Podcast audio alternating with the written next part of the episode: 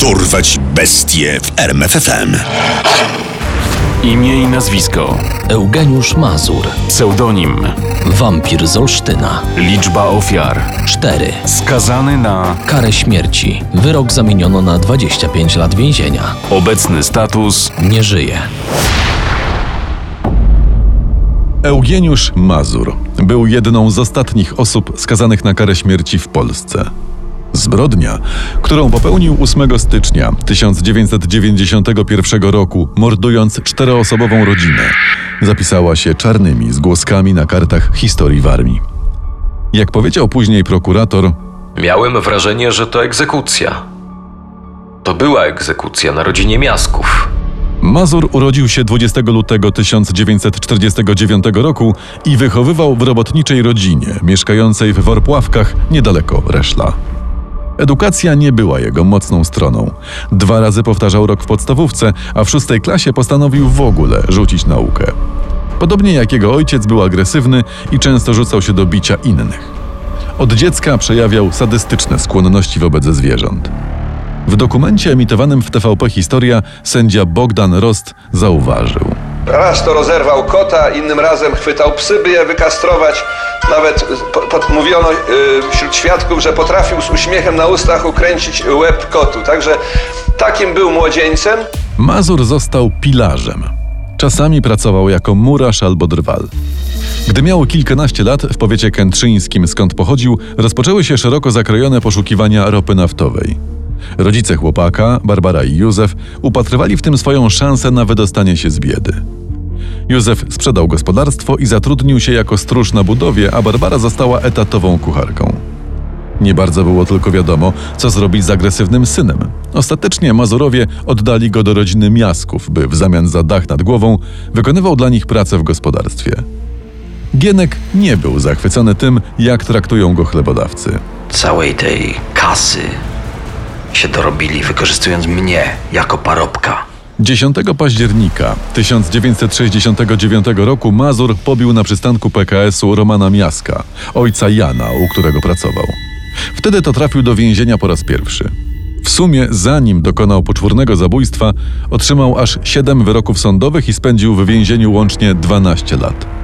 Głównymi powodami, przez które trafiał za kratki, były pobicia i znęcanie się nad swoją rodziną. Między wyrokami rodziły się jego dzieci, w sumie czworo z różnych związków. Mazur był znany ze swojej agresji. Ofiarę bił często za pomocą kołka lub orczyka, kopał je po głowie lub atakował nożami.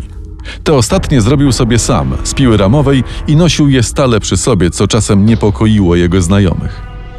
Gdy jeden z nich odważył się raz zapytać, Po co ci Gienek te noże? Mazur odpowiedział tajemniczo. Mam wiele do zrobienia. Eugeniusz niespecjalnie interesował się swoimi dziećmi. Za to wykorzystywał każdą okazję, by się nad nimi znęcać.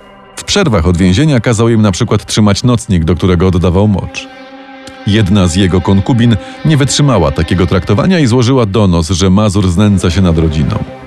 Mężczyzna trafił po raz kolejny do więzienia. Wściekły na konkubinę wysyłał jej z zakrat pełne nienawiści i zapowiadające zemstę kartki, a zaraz po wyjściu z więzienia postanowił przykładnie ukarać kobietę. Pojechał do Wasilkowa, gdzie mieszkała ze swoim nowym mężczyzną i ranił oboje nożem. Może na tym by się skończyło, ale na nieszczęście udało mu się uciec. Po 20 latach nieobecności Mazur postanowił wrócić w rodzinne strony. Dowiedział się, że Jan Miazek od dwóch lat pracuje na gospodarce w Babieńcu, w okolicach Reszla. Eugeniusz zatrzymał się u siostry i zatrudnił w Reszlu na budowie. Odnowił znajomość z Miaskiem i zatrudnił się u niego jako pomocnik przy żniwach. Czasami, gdy było sporo pracy, nocował w gospodarstwie. Nie dostawał zbyt wysokiego wynagrodzenia, od tyle by starczyło na papierosy czy inne drobne wydatki. Miaskowie, to jest Jan z żoną Anną, po pewnym czasie zrezygnowali z jego usług. Ja już po Gienka dzwonił nie będę. Nie ma z niego pożytku. A pewnie, on więcej pije niż pracuje. Mazur jednak nie chciał się tak łatwo odczepić. Uważał, że Jan jest mu winien 212 tysięcy złotych przeddenominacyjnych za jego pracę.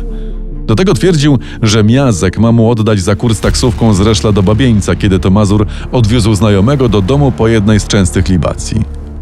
Rzecz jasna, Jan nie chciał o tym słyszeć i za każdym razem, gdy jego były pracownik upominał się o zwrot długu, wyrzucał go z domu. A idźże stąd, bo policję wezwę. Nic ci nie jestem winien. Wynocha! W Mazurze narastała frustracja, dodatkowo podsycana gniewem sprzed lat, kiedy toczył się w domu Miasków jak służący.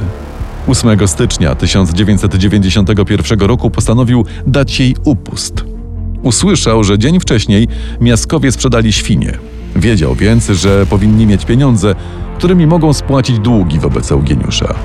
Wziął noże, z którymi się nie rozstawał i ruszył w kierunku gospodarstwa w Babieńcu.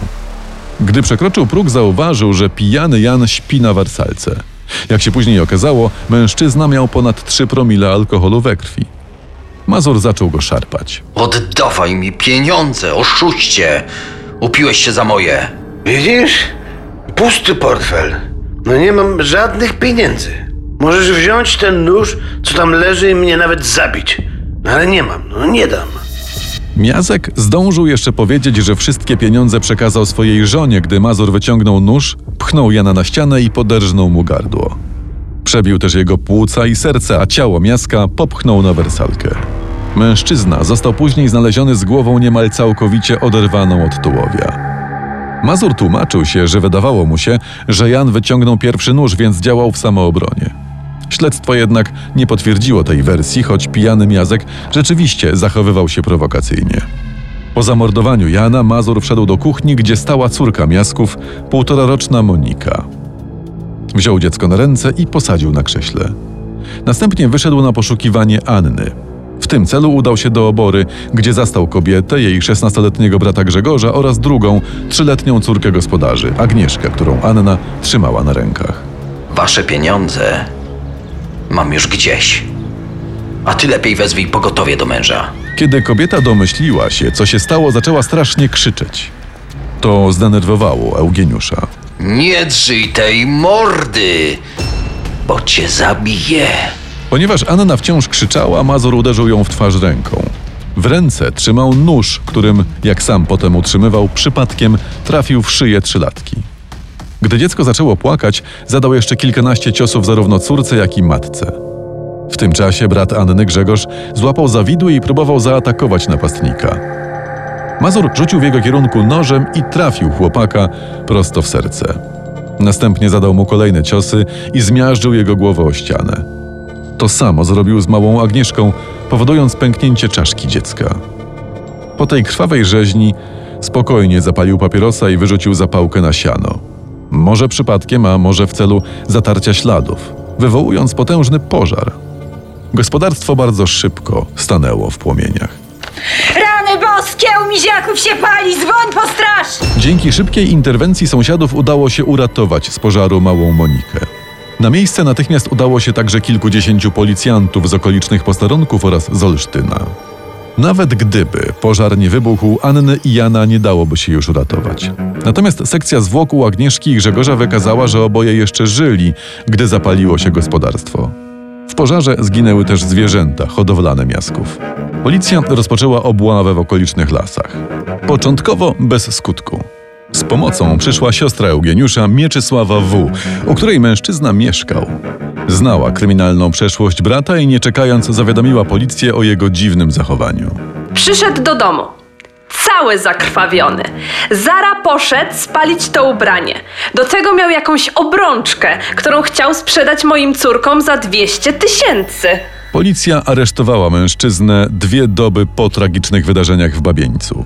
Początkowo nie przyznawał się do winy. Pierwsze przesłuchanie trwało 13 godzin. W końcu pękł i w obliczu niepodważalnych dowodów, takich jak ślady biologiczne, po 11 dniach oświadczył, że to on zabił miasków.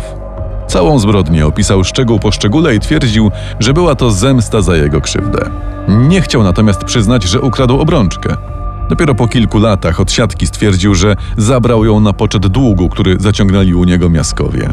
11 lutego 1992 roku Eugeniusz Mazur stanął przed sądem wojewódzkim w Olsztynie.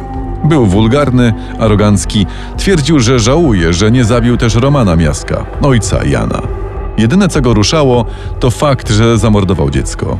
Powtarzał: Jak można dziecko małe zabić? Obrażał świadków, groził im, lekceważył nawet swojego adwokata. Pan jest moim obrońcą? To do widzenia. Łatwo go było sprowokować i obudzić w nim najgorsze instynkty. Biegli nie stwierdzili u niego choroby psychicznej. 4 marca 1992 roku usłyszał wyrok czterokrotna i łączna kara śmierci. Zareagował na niego pokazaniem tzw. gestu Kozakiewicza. Mimo, że sąd apelacyjny utrzymywał wyrok, ówczesny minister sprawiedliwości Włodzimierz Cimoszewicz zauważył rozbieżności w opiniach biegłych. Dodatkowe badania, przeprowadzone w krakowskim Kolegium Medicum, przyniosły wniosek o znacznym ograniczeniu poczytalności uskazanego w momencie popełnienia zbrodni. Wobec czego Sąd Najwyższy uchylił karę śmierci i skierował sprawę do ponownego rozpatrzenia. 25 lutego 1995 roku Sąd Apelacyjny w Warszawie ogłosił kolejny wyrok. Karę śmierci zamienił na 25 lat pozbawienia wolności. Mazur nie był zadowolony z takiego obrotu rzeczy. Za to, co zrobiłem, już dawno powinienem nie żyć. Został skierowany do odbywania wyroku w zakładzie karnym w Sztumie. W 1999 roku w programie Cela Numer udzielił wywiadu Edwardowi Miszczakowi, który spytał mordercę m.in. o to, czy uważa, że jest możliwe, żeby opuścił więzienie przedterminowo. Myśli pan, że pan wyjdzie wcześniej? Nie, ja raczej myślę, że wcale nie wyjdę. Eugeniusz Mazur miał dobre przeczucia. Umarł 17 grudnia 2010 roku, niecałe 6 lat przed końcem kary. Poznaj sekrety największych zbrodniarzy świata. Dorwać bestie w RMFFM.